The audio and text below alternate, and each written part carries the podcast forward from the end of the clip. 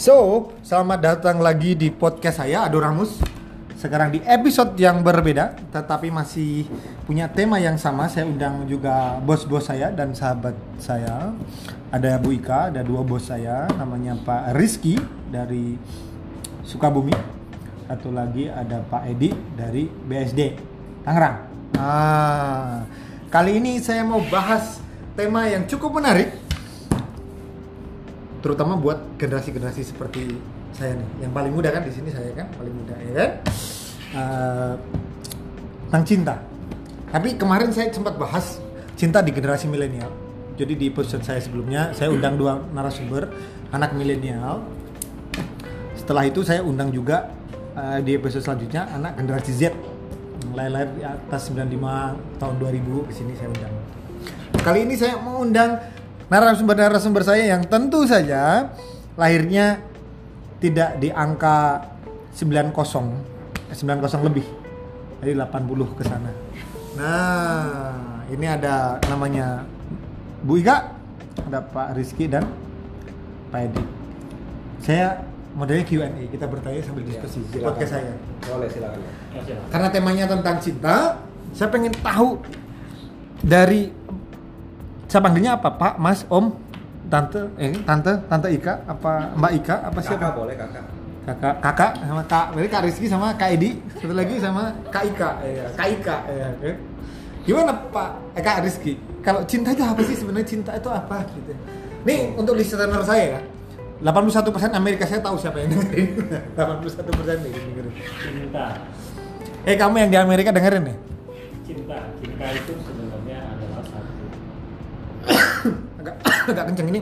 Kita podcastnya masih ini belum bisa dimonetize sehingga pakai handphone doang. Cinta cinta itu adalah suatu hal di mana cinta itu bisa sifatnya satu arah. Kita Enggak ini dalam konteks ini. sorry sorry. Saya salah mempersepsikan memberikan persepsi. Ini cinta in the context of berpasangan Ah, ah in the context of berpasangan. Bukan cinta kepada orang tua bukan cinta kepada teman bukan. Tapi cinta in the context berpasangan. Kemarin saya juga membahas tentang bagaimana generasi Z mencintai pasangannya kemudian milenial mencintai pasangannya. Nah itu dalam konteks Oke. berpasangan. Gimana Pak Rizky? dalam konteks berpasangan cinta. Jadi konteks pasangan itu cinta itu saling ada kata saling. Hmm. baik itu dalam artian saling menerima ada juga disebut juga saling apa namanya? Saling menyayangi saling membantu. Ada kata saling di situ. Jadi Mhm. ibarat kata kita adalah satu pasangan. Bahasa yang sering mungkin orang apa eh, ungkapkan adalah ketika kita bicara cinta ada satu hal yang sempurna yang bisa kita beli Mhm. Jika manusia itu adalah suatu tubuh Mhm. cinta itu adalah salah satu hal yang membuat tubuh itu menjadi sempurna Hmm. Hmm. kita tadi dengan kata kata-kata saling itu Mhm. misalkan kita ada satu masalah kita saling membantu dalam bagaimana cara untuk menyikapi permasalahan itu kita punya dua kepala atau kita punya Hmm. kita saling mendukung ketika Mhm. ada satu orang yang sedang down yang Mhm. ini yang akan membuat dia menyemangati ketika Mhm. ada orang yang ketika ada pasangan kita yang mungkin dia semangat Hmm. kita bisa berpositif semangat Hmm. jadi cinta dalam pasangan yang saya pahami adalah Kak Rizky udah menikah sih ya? sudah Udah menikah ah. bahasanya lebih kepada saling menguatkan salingnya Hmm, feedback, feedback. Values-nya ada satu pertukaran gitu ya. iya Jadi Anda memberi apa, dia memberi apa gitu ya. Ada ada value Ada value value yang saling ditukarkan. Karena kan Ada. saling tadi. iya Iya kan? Mhm. bersama-sama Mhm. Mhm. cinta itu dalam konteks saling dan dia together Mhm. Mhm. tanpa Pertukaran ada, values gitu lah ya. iya Mhm. jadi tanpa ada salah satu ya tidak akan maksimal suatu hal yang Artinya kalau tidak saling tadi tidak cinta.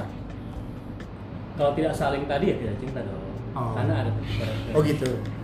Oke. Ya kan? Nice statement. Jadi kalau tidak saling tidak cinta. Nice statement.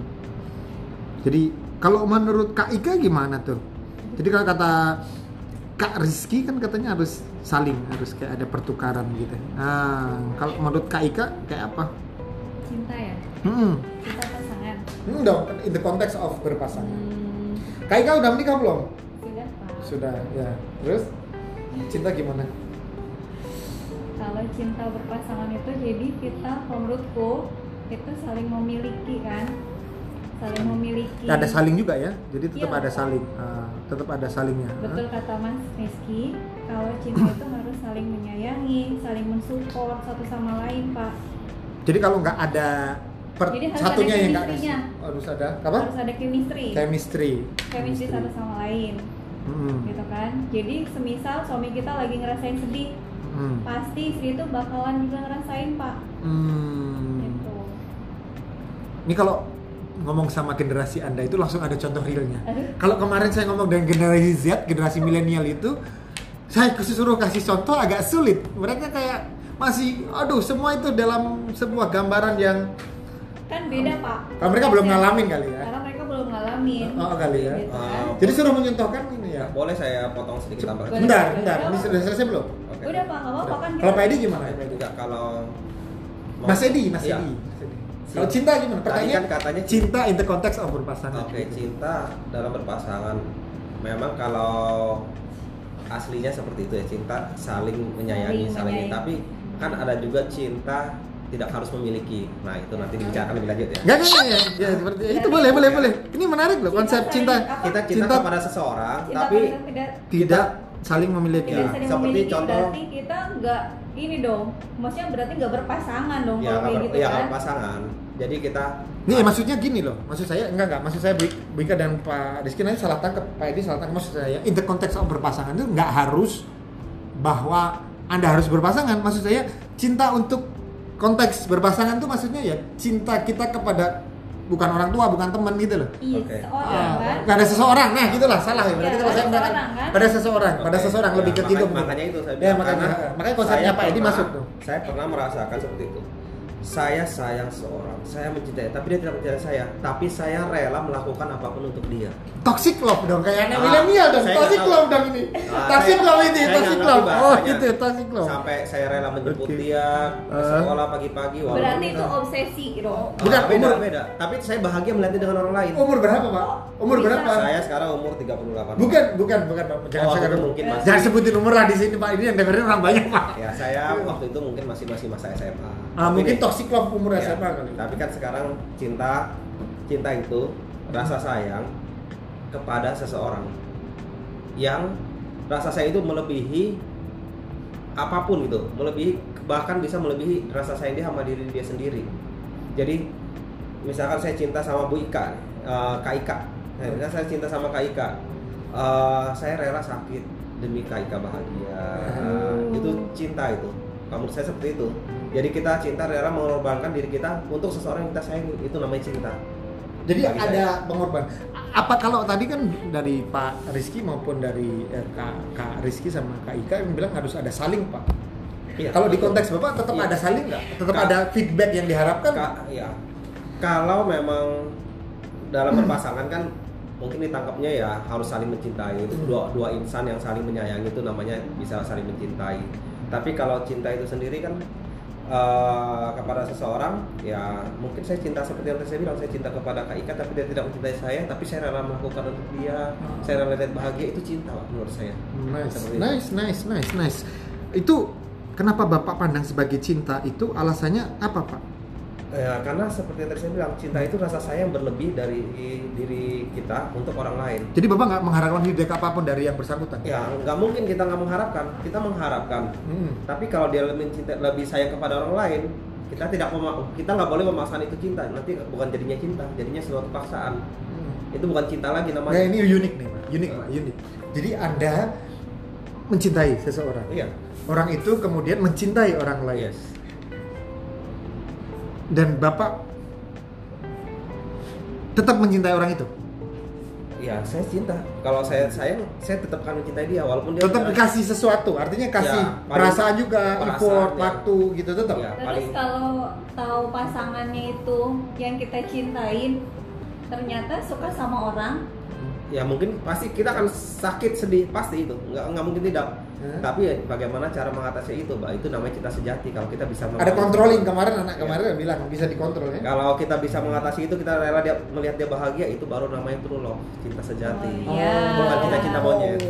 Oh, Jadi bukannya true love itu dua-duanya saling mencintai nah itu lah itu lain lagi oh itu lain lagi lain lagi Hmm. jadi cinta cinta kita yang benar-benar mencinta itu kita rela melihat dia bahagia walaupun dia nggak sama kita itu baru benar-benar artinya cinta itu kan ada yang Hmm. kayak gitu juga ada yang namanya obsesi juga kan cinta ya obsesi, obsesi itu lain bagaimana cara caranya kita harus mendapatkan dia kita sayang sama dia ngomong-ngomong Kak Rizky paham kan? Ya, saya Ya coba coba coba lanjut dulu lanjut dulu kan. jadi serius obsesi banget. kan sepertinya lagu zaman dulu si Naif ya ya kan? kalau obsesif bila dia maaf bila aku mati kau juga mati. Nah itu baru obsesif. Oh. Itu kita posesif, oh, posesif. Oh iya sorry Itu oh, posesif, oh iya maaf saya salah. Sorry saya salah. Bukan itu itu posesif ya. Enggak tadi jadi obsesif, enggak, obsesif itu kan kita bagaimana cara mendapatkan dia. Itu Ah. baru obsesif. Tapi Iya, kan iya. kita kan nggak mau mendapatkan dia Oh, kita bahagia dia nggak suka kita kita jangan paksa kita dia ke kita. Tapi Kalau- Bapak tetap mencintai dia. meskipun Iya, disakitin gitu ya namanya itu Itu cinta. toxic Cinta. love bukan? Bukan. Bukan ya? Bukan Bukan. juga ya? Bukan. Bukan, bukan beda dengan toxic love. ya? Beda, Toxic love itu beda. beda, beda. Konsep toxic love Anda harus makanya Bapak kakak-kakak bertiga tolong dengerin podcast saya version 1 sama version 2 ini. Ini kita Itu- bicara toxic ya love. itu beda dengan toxic love Beda, beda, sih. Konsep ini beda. Beda. Ini konsep yang menarik, konsep yang lebih kan- mungkin lebih obsesif lebih mature. ya kalau obsesif itu kita cinta sama dia bagaimanapun dia harus mencintai kita kita harus Ah. kejar dia itu namanya obsesif obsesif. Ah. Kalau ini Bapak serahkan aja kita. ya kita tetap akan nice. kita akan berusaha supaya mendapatkan dia tapi kalau memang kenyataannya dia tidak menyukai kita tidak sayang ah, mungkin dia sayang tapi nggak mencintai kita ya kita bisa apa jangan paksakan karena itu namanya jadi bukan cinta Menarik. itu memasang kehendak pada orang Menarik, menarik, menarik. Gimana kalau tanggapannya Kak Rizky? Kalau ada jadi ini kan versinya beda-beda. Kalau saya melihatnya Kak Ika sama Kak Rizky memiliki kesamaan bahwa ada pertukaran values dalam cinta. Jadi Anda memperdagangkan cinta. Ya bukan memperdagangkan, Anda kemudian mengkapitalisasi cinta karena mesti ada eh, pertukaran values. Ini positivis lah. Anda lebih ke kuantitatif gitu. Ses- se- tentang cinta Anda ukur sebagai sebuah kematerialan gitu. Karena kan mesti ada pertukaran. ya Sedangkan Pak Edi ini kan cinta yang lebih kualitatif. Dia giving something without any you know hope to return gitu kan? ya mungkin kita berharap tapi kalau tidak tercapai ya kita jangan paksakan Oh, jadi ada tetap uh, kita berharap dia mencintai kita itu Jadi kan gini, namanya, eh, dia dia dia gini. manusiawi Pak. Kalau saya boleh meng- eh, ini sedikit, dia memberikan sesuatu yang serta merta, tetapi dia punya alat ukur yang lunak gitu, nggak jadi nggak harus saklek saling tadi, nggak saklek, tapi tetap ya mengharapkan ya. Iya, Pak. Kalau nggak dapat, kalau nggak dapat tetap cinta, dapet ya kita harus berani berlapang dada, berbesar hati untuk menerima itu. tapi tetap mencintai apa? Tetap mencintai. Oh, tetap mencintai. mencintai. dong. Unik ini. berarti Ini ada perbedaan nih, tapi dua-duanya values gitu. Saya kembali kepada hal cinta. Hmm. Cinta itu adalah suatu kebutuhan betul tidak? Cinta. Cinta. Kebutuhan atau bukan? Oh, saya Anda narasumber, saya kan Saya kalau cinta itu ya Kebutuhan. kebutuhan tergantung. Eh, tergantung kalau, Kalau saya mencintai seks, orang mungkin kebutuhan seks, pertemanan. Kalau cinta sih, sebenarnya bukan kebutuhan juga Betul. sih. Tapi ya mem- ya Saya melihat cinta itu dalam konteks bahasa kebutuhan kita ya. Itu ada physical, itu kan physical things sebabnya yang memang kita apa namanya ma- eh, fisik makan tadi itu kan kebutuhan, seks, Kebutuhan, seks. makan, tapi jangan berteman. lupa kita juga ada namanya rohani. Hmm. Rohani, jiwa. Ya cinta itu salah satu untuk menguatkan jiwa kita. Ah. jadi yang saya lihat bahwa kesadaran, bahwa cinta itu kesadaran. butuh values apa namanya? Feedback ya pasti. Hmm. nggak mungkin ada atau saya nggak tahu ya nggak mungkin. Saya nggak bisa Manusiawi itu. mostly kebanyakan orang even dia mencintai seseorang walaupun dia tidak dapat cintanya dia dia akan mencintai orang lain. Bagaimana caranya orang lain yang tadi dia cinta itu bisa dapat dengan dia? Walaupun mungkin saat itu dia tidak dia mencintai seseorang ini tapi tidak dia dapatkan cintanya dia Hmm. dia akan cari cinta yang lain sampai dia dapat cinta itu Pak Edi saat ini menikah kan? saya menikah. ya Hmm. jadi apa yang diharapkan dari pernikahan Ya, kalau dari pernikahan semua orang ya pasti ingin hidup bahagia. ada cinta di situ kan Harus ada dong. ya Tidak ada cinta ya nggak mungkin. cinta selalu akan membutuhkan itu membutuhkan ada membutuhkan, membutuhkan feedback ya values. Membutuhkan feedback values. Jadi seakan-akan ketika kita bicara makan kita butuh makan. Mungkin saat itu kita nggak ah kita rela makanan kita yang kita butuhkan tadi yang kita cintai itu dimakan oleh orang yang lebih kita cintai. Tapi satu sisi kebutuhan itu tetap ada. Kita akan makan yang lain di situ. Akan akan makan cinta yang Tapi lain. kadang kalau cinta itu kan eh, kalau makan kita kita nggak makan kita mati. Tapi kalau cinta kita nggak dicintai kita nggak akan mati. Ya. Kita bisa Nah, hidup that, was different loh. That was different. loh. Gimana menurut Kak Ika? Menurut Kak Ika gimana di situasi kayak gitu? Kita Kalau kembali yang kepada kembali pasangan tadi pasangan Ya situ. betul ya. Kan gimana pasangannya dong? Karena kan setiap orang tuh value beda-beda dong kan. Hmm, ya. Dalam pemikirannya, pemahamannya, terus pola pikirnya mereka beda-beda loh dalam Hmm. cinta itu. orang yang tidak dicintai itu bisa mati Orang yang tidak dicintai itu bisa, Bisa mati. mati. Berarti Mati- orang mati itu adalah kita, kita bicara Itu namanya posisi. kita bicara konteks tadi rohani dan konteks tadi jasmani Pokoknya itu terlalu bisa apa mati ya? mati Itu- dalam artian Hmm. sepa- seakan-akan dia ya bagaimana perasaan kita ketika kita hidup tidak ada sama sekali orang yang mencintai kita ya kan Hmm. Ya terus ya Gak seakan apa-apa ini podcastnya kita realistik kok jadi sambil ngobrol ada gangguan sedikit nggak apa-apa. Ya. Terus Ya. terus terus terus. intinya ketika kita bicara cinta tadi Hmm. Tadi Pak Edi bilang kalau kita ketika kita tidak makan kita bisa mati Hmm. beda dengan cinta ketika kita di- tidak dicintai kita bisa mati Hmm. eh kita tidak bisa mati Hmm.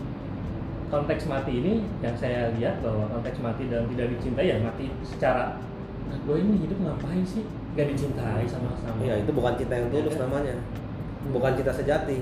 Cinta yang tulus, cinta yang sejati itu sebenarnya kalau kita mau- nggak mendapatkan cinta dari orang tidak apa kita tetap mencintai dia. Itu baru namanya cinta sejati tapi tadi Bapak Pak Pak Edi kan ada konsideran bahwa sebenarnya tetap membutuhkan feedback. ya betul membutuhkan. Tapi kalau misalnya kita nggak mendapatkan ya sudah tidak apa-apa. Kita harus tetap mencintai Ada sebuah ya memang asal rasa sedih Apa ya kecewa mungkin ada tapi tidak- keikhlasan kali ya. Ya, ada letak Ah, keikhlasan. kalau kita bisa ikhlas kita mencintai orang-orang Apa ya seperti konsep kita, ikhlas ini? itu baru namanya cinta sejati Enggak, sebentar. Konsep ikhlas ini kan dalam bahasa ilmiahnya nggak ada ya. Jadi Ada. ada sebuah pertukaran values. Ah, Anda memberikan values, tapi Anda tidak. Anda sebenarnya mengharapkan, tapi kalau nggak mendapat, ya sudah gitu. takdir Judi, lebih ke judi tidak dong. tidak Judi memang kecewa Judi, judi. kecewa sih pasti Kecewa ada. pasti Kalau ada, nggak dalam mungkin cinta tidak. itu pasti ada kecewa Iya, kan. betul. Kita nggak bisa memiliki kan. Enggak, Yang ini lebih ke judi bukan sih? Lebih ke Bukan judi. ke judi, Pak. Ya, itu kan beda. Kalau judi ke itu gambling. Kita coba-coba itu namanya. Kita coba mencintai dia, siapa tahu mencintai dia. Beda itu bukan. Itu namanya bukan cinta, Pak. Itu cuman hanya namanya Apa ya? keinginan khas, keinginan doang. ya kayak Kayak- ya masuk termasuk kayak obsesi kayak gitu obsesi karena pengen enggak, konsep judi bukannya saya bet Itu sesuatu berharap dapat. Kalau enggak ya sudah kan tidak. gitu. Ya, tapi kita tidak Konsep judi bukan Tapi itu? cinta menurut saya nggak seperti itu. Memang cinta menurut saya, saya sayang sama itu orang. Saya eh, mengharapkan orang itu bahagia. Walaupun saya pengen sama, dia sama saya, tapi kalau saya tidak bisa, saya bisa melihatnya bahagia saja, saya sudah senang. Itu namanya cinta, benar-benar cinta. Kalau kita mengharapkan yang itu kan eh, memaksakan kan enggak. Itu nggak nggak bagus nanti.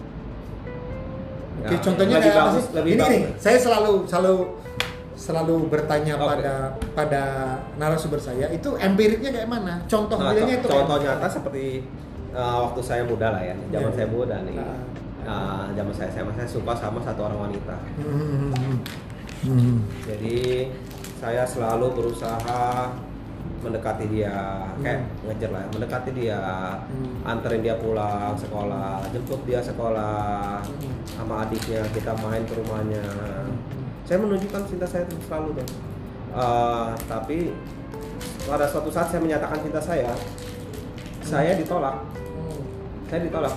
Tapi ya saya tetap menyayangi dia, eh, menyayangi dia, mencintai dia, walaupun dia nggak bersama saya.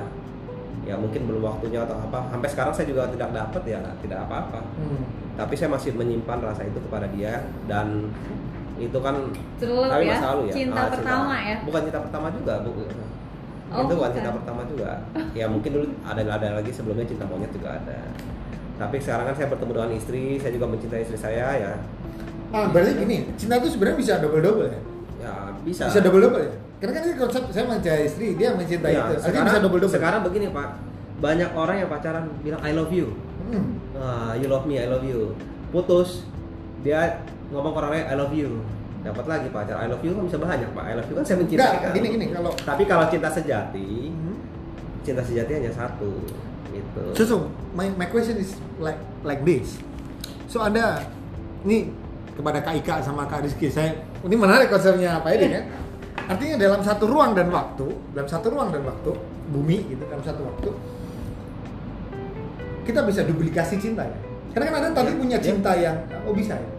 ya tapi Menarik tapi tapi cinta itu akan lama-lama walaupun nggak hilang 100% Hmm. lama-lama memudar seiring kita mendapatkan seseorang lain untuk menggantikan dia kita masih ada uh, sering uh, terpikir akan dia akan apa lihat oh sekarang dia bahagia nggak bagaimana karena berpikir cuman ya kita nggak bisa berbuat apa-apa lagi karena dia sudah bersama yang lain saya sudah bersama dengan yang lain Hmm. saya mencintai Tapi masih saya cinta, sekarang. itu. Uh, ya mungkin kadarnya itu udah nggak seperti itu dulu kan sampai saya rela Kalau sekarang nggak- nggak rela-rela. apa pun kalau Iya. sekarang ya dia sudah punya yang lain pak gitu Hmm. jadi dia sudah bahagia dengan lain kita lihat dia bahagia Jadi dia ya sudah Pak Edi menuju ke logisisasi apa logisme ya. Hmm. Jadi karena dia sudah punya apa institusi kita juga sudah punya punya, punya institusi juga sehingga anda tidak mau melanggar keinstitusionalan Ya, itu. dong, itu biar di hati kita saja Jadi Walaupun cinta, cinta dulu udah pertanyaan saya begini ya, artinya cinta bisa kita logikakan ya sebenarnya. Kayak Pak Edi kan cinta dilogikakan ya. tergantung Iya kan dilogikakan. Coba Kak Ika gimana? Cinta itu bisa dilogikakan nggak? Karena Pak Edi kan melogikakan.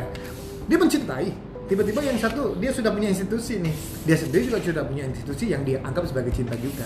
Maka kemudian tidak tidak mengejar lagi cinta dia yang dianggap sebagai cinta sejati, kan dia akan mungkin eh, apa mencurigai akan terjadi sebuah kerusakan-kerusakan disruption disruption gitu ya. Ya.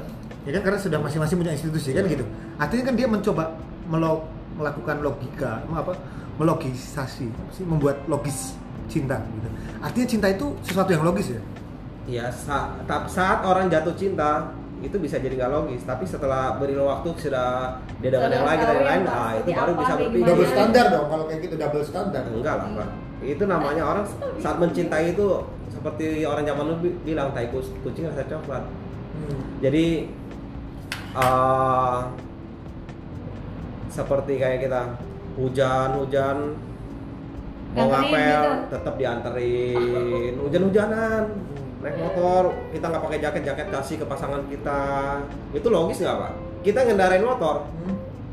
eh, yang orang yang kita cintai itu di belakang kita kasih jaketnya kita dingin dinginan dia di belakang kita kena angin loh gentleman itu nggak logis kan gentleman ya itu di saat cinta lagi bersemi tapi kan nggak harus harus cinta juga Iya, tapi di saat kita mencintai seorang akan seperti itu. Hmm. Lo- Kelogisan kita hilang. Hmm. Tapi setelah berjalan waktu ya, kita sudah menemukan yang lain, dia sudah dengan yang lain juga. Itu berarti anda sudah tidak mencintai itu kan begitu Tetap ada rasa cinta, Hmm. tetap kita simpan. tapi kadarnya cinta. turun Ya, kadar artinya turun. cinta itu bisa naik turun Ya bisa juga, bisa. nah artinya kan kalau biasanya ada kadar naik cinta turun itu biasanya dalam kalau kita sudah nikah Hmm. benar nggak pak Betul. Hmm, Ya nggak? gimana gimana kalau yang di tahun pertama itu biasanya kan Masih- kadar cintanya tuh masih besar besarnya Hmm, Ya, hmm, Pak. hmm, nah nanti setelah tiga tahun hmm, itu menurun hmm. mungkin yang tadinya 100% jadi turun Mungkin jadi karena punya 90%. anak, nah terbagi kita dengan punya anak. anak mungkin kan atau misalkan pasangan kita nggak aware dengan kita nih melihat anak nangis pasangan kita cuma nonton TV atau main handphone Hmm. jadi kan kita juga kadang merasa apa ya gimana gitu kan kalau Hmm. istri gitu kan Hmm. kalau suami mungkin ya gimana anak nangis itu kan udah urusannya istri Ya. Nah, itu dia. itu kan jadinya cintanya mungkin karena berkurang Nah, apa ya itu dia. Benar. Jadi cinta itu Apa? jadi jadi sama ya sebenarnya generasi Itu- milenial, generasi Z, generasi Anda itu cinta itu lebih ke kapitalisasi sebenarnya, kan? Karena berkurang Tapi berturut gitu. loh Pak, cinta itu. Saat kita jatuh Menarik, cinta, Pak. Anda itu saat, melihat cinta sebagai sebuah kapital. saat kita jatuh cinta, Menarik, menarik. semua logisme itu hilang. Enggak, enggak, enggak, enggak. Maksud saya gini loh. Tadi Kak Ika sampaikan bahwa cinta bisa naik turun waktu uh, menikah apa bisa naik turun dan sebagainya. Menurut saya, Nah, makanya ada yang bilang, Pak, Anda melihatnya bangun cinta itu susah pak Susah. jatuh cinta itu gampang lebih susah bangun cinta daripada jatuh cinta jadi gimana cara setelah perkawinan harus membangun cinta itu terus terusan adalah Memelihara beberapa cinta. ada beberapa orang yang sampai kakek nenek punya cucu di jalan tetap gandengan ada tapi lebih banyak yang enggak Hmm. Iya. Kalau Kak Rizky, statementnya Kak Ika gimana tadi? yang terkait dengan cinta itu tadi Iya, jadi saya melihat kesamaan dari tiga generasi, generasi Z, milenial maupun generasi Anda, bahwa cinta itu ternyata kapital, sesuatu yang valuable, bukan sesuatu yang uh, metafisis. Seperti Gibran kan bilang cinta metafisis. Hmm. Jadi ada banyak orang yang bicara bahwa cinta itu metafisis. Tapi kalau di generasi yang sekarang secara nyata setelah dijalani dan saya wawancara ada tiga narasumber dari tiga generasi yang berbeda, cinta itu very very capital. Ah, termasuk eh, Kak Ika tadi bicara bahwa oh cinta itu walau awal-awal naik ini turun dan sebagainya. Nah itu pendapat kakak berdua gimana? cinta ya balik lagi ke cinta balik lagi ke manusia itu sendiri Hmm, hmm, manusia itu juga punya semangat yang naik turun hmm. jadi bagi saya cinta itu juga salah satu spirit gitu. manusiawi lah ya. Kalau naik turun manusiawi gitu. Iya. Hmm. cinta itu seperti sebuah semangat Hmm. spirit yang kita mencintai yang mungkin di awal di awal pertama spirit kita lagi besar kita mencintai apa pun yang apa namanya yang dialami oleh pasangan kita atau mungkin saat masih kuliah atau saat masih sekolah Hmm. ya kan Hmm. ketika kita mulai membangun cinta Hmm. ketika kita mulai mau mencintai itu spirit kita sedang tinggi tingginya Hmm. sedang kita ingin tahu sedang kita ingin menyayangi Hmm. ketika suatu hal semangat kita mulai turun Hmm. betul kata uh, kakak Edi itu bahwa cinta itu yang paling sulit bukan saat kita jatuh cinta tapi saat kita memelihara cinta karena memelihara cinta itu kembali lagi kepada konsep yang saya tadi sebutkan saling harus ada saling itu Iya values. ya. harus ada saling itu Jadi- saling melengkapi tiga generasi itu melihat yang sama. Menurut saya, Anda termasuk generasi yang lain cinta itu sebagai sesuatu yang kapital. Harus ada pertukaran. Anda memberikan waktu, dia memberikan waktu. Anda memberikan perhatian, perhatian. Anda memberikan uh, effort, dia memberikan effort. Kan begitu. Ya Pak Edi. Gimana kalau pendapatnya dari Kak Ika tadi saya tanya? Kalau itu namanya saling mencintai. kan saling. Kalau Saling. cinta aja kan beda, Pak. Cuma kalau pendapatnya dari statementnya contoh realnya dari Kak Ika tadi gimana? Contoh empiriknya tadi pendapatnya. Ya, contoh empirik betul. Memang di saat kita pacaran semua dunia terasa indah. Aha, aha. Pernikahan tahun pertama, oh masa-masa bulan madu indah sekali. Hmm. Ah, dan itu akan terganggu. Bukan saya bermaksud bilang buah hati kita sebagai pengganggu ya. Rasa cinta itu terganggu atau ter apa terkikis dengan lahirnya sang buah hati. Hmm. Karena sang istri atau sang suami akan membagi cinta mereka kepada anaknya. Hmm. Jadi kan ak- akan sulit untuk membagi cinta itu 100% ke suami, 100% ke anak itu akan sulit. Hmm. Jadi ya betul manusiawi kalau misalkan kadarnya menurun atau apa, tapi itu harus dibangun lagi. Kalau namanya cinta itu walaupun menurun, bagaimana caranya membangun itu semua? Mungkin dengan ajak anak dan istri jalan bareng, melakukan aktivitas bersama, melibatkan mereka bersama. Jangan anaknya terus yang diperhatikan atau suaminya terus yang diperhatikan atau istrinya terus yang diperhatikan. Harus harus saling, balance harus balance semuanya. Baru cinta itu bisa seimbang. Oke, last question karena saya mesti harus ada ini meeting. Eh,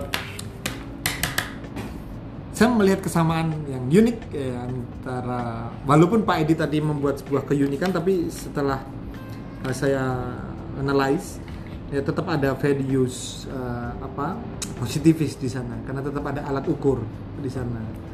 Eh, jadi di tiga generasi kakak-kakak ini generasi apa ya? 90-an lah ya. 90 apa? 90-an ya? Berarti kan 80s 80s lah or Yes. enggak mungkin 80s lah. 80s and 90s lah ya. 80s lah. Anda kan dengerin dengerin musik setelah umur 10 tahun pasti kan? Artinya generasi 80s lah ya dan generasi milenial sama generasi Z punya satu kesamaan yaitu cinta itu eh, lebih ke sebuah kapital. Ada saling ada pertukaran ada pengharapan ada feedback kan gitu. Ya kan? Walaupun Pak Edi tadi iya. Ya mengharap dia saya kasih. Cuma kalau ini jadi kalau ke Kak Edi kan lebih ke values yang mengharapkan tapi kalau nggak mendapatkan ya sudah. Mirip-mirip sama kayak konsep judi sih walaupun nggak beda ya Kalau judi kan kehilangannya Ah. uh, mendapatkan atau kehilangan beda. Ah, kalau ini kalau nggak dapat ya sudah gitu Kalau nggak dapat kita tetap, kita tetap mencintai, kita nggak Ah. kehilangan. ada tetap kasih waktu tetap kasih info Kalau dia membutuhkan, kita ada. tetap tetap ya Kalau dia membutuhkan, kita ada. oh Kita siap. Oke, oke, oke. So, last question begini. Anda memiliki konsep cinta seperti itu. Nah sekarang saya, Anda pernah dengar nggak konsep namanya toxic love? Ya. Toxic love, toxic love. Pernah dengar? Kak Rizky pernah dengar konsep Belum. itu? Belum. Toxic love. Anda Pernah? pernah? Anda Gimana sih Pak? pernah? Ngerti nggak sih apa sih toxic love gitu? Menurut generasi bapak-bapak, eh, kakak-kakak ini yang aktif lah. apa eh 90s lah 90s. Sekarang, toxic sekarang kan love itu apa? namanya toxic itu kan udah racun. Ah, itu gimana sih Ah, menurut ja- jangan cinta itu jadi racun kalau menurut saya. Gara-gara cinta uh, merusak segalanya. Ah. Itu bisa aja mungkin jadi seperti cinta yang posesif atau apa mungkin itu toxic loh.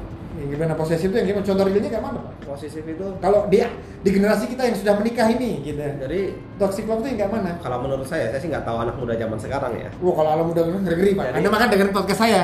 Kan Ah. saya nggak mau spoiler nih. Iya. Dia ngeri kalau anak muda sekarang udah ngeri ngeri, Jadi- udah ngeri ngeri. Uh, toxic love itu uh, mungkin seperti yang tadi cinta itu harus di- dipaksakan. Ah, Wah gua suka sama lu nih, lu harus ikut sama gua gini-gini. Mungkin seperti itu jadinya. Itu kriminal, Sa- kan? Jangan. Itu kriminal. Maksudnya, saya cinta sama kamu. Jadi tetap paksain dia harus dia harus memaksakan dia cinta juga sama kita. Dan kalau lu nggak nggak nggak suka sama nggak mau terima cinta gua, gua akan gini nih, ngancem.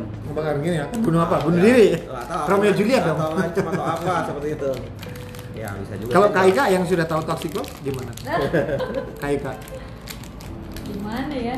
Hmm. Bingung juga sih. Hmm. Soalnya belum pernah. Toxic, belum pernah. Karena generasi kita nggak ada kan toxic love gitu. Nggak ada Kita nih baru ada. sih, baru baru kita. generasi kita nggak ada. Kalau- dulu zaman Pak Rizky apalagi suka zaman- tahu nggak zaman toxic love itu selingkuhan gimana? ya Pak ya? Kenapa? Bukan. Kalau zamannya dulu kita Tahu ya? zaman selingkuhan ya Pak. Nah, nanti nanti saya bahas buat clickbait judulnya pelakor dan selingkuhan. Saya mau bahas itu. Saya mau bahas itu. TTM. Itu kan, waduh itu pasti viral itu nanti. Coba kalau toxic love toxic love Pak Kak Rizky, Kak Rizky. melihat dari bahasa aja Hmm, toxic itu artinya racun hmm, terus kemudian love itu artinya cinta hmm. racun itu apa sih dia yang membuat dia menjadi racun racun itu apa sih yang efeknya racun itu apa sih hmm, racun itu sedikit sedikit kemudian dia akan mati. Hmm. artinya cinta yang tadi kita apa namanya kita artikan bahwa kita itu saling ada values yang kita miliki. Hmm, dengan adanya racun itu artinya tidak ada saling tidak ada saling lagi. Hmm, tidak ada values yang kita dapat sehingga toxic love yang saya pahami dari bahasa ya hmm. kayak semacam misalkan kita bicara ya tadi dia mencintai seseorang Hmm.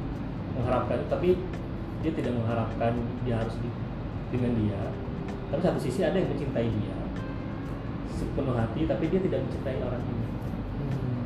tapi mungkin dia karena mungkin kebutuhan ya dia Jadi dia merusak fisik ya. Toxic itu merusak fisik. Merusak fisik ini dan menurut emosional saya ya. kakak-kakak ini memang nggak ngerti Iya. konsep toxic Saya love. nggak Nggak tahu. Karena ada too old to know. Oke, so mungkin eh, tema tentang love nggak masuk deh. Tapi saya berterima kasih sudah mengerti eh, definisi dari cinta dari generasi kakak-kakak semua yang last question tadi tentang love. Ya memang nggak masuk sih karena di kita nggak ada tuh love di generasi kita nggak ada. Saya ngerti konsep love dari generasi-generasi uh, tuyul-tuyul itu kan. Jadi jadi- nah sebagai penutup saya pengen kakak-kakak bikin satu statement satu dua tiga kata kalau ditanya what is love itu yang lebih lebih ringkas gitu apa sih coba kak Rizky apa sih cinta itu semangat semangat spirit kak Edi Cinta itu nggak harus memiliki. nice kak Ika oh. Bagi aku, iya iya dong iya karena dong. aku perempuan, cinta itu harus memiliki. Cinta harus memiliki. Oke, nice. Tiga ber- So, terima kasih semua. Terima kasih. So, sampai jumpa lagi di episode berikutnya. Terima kasih.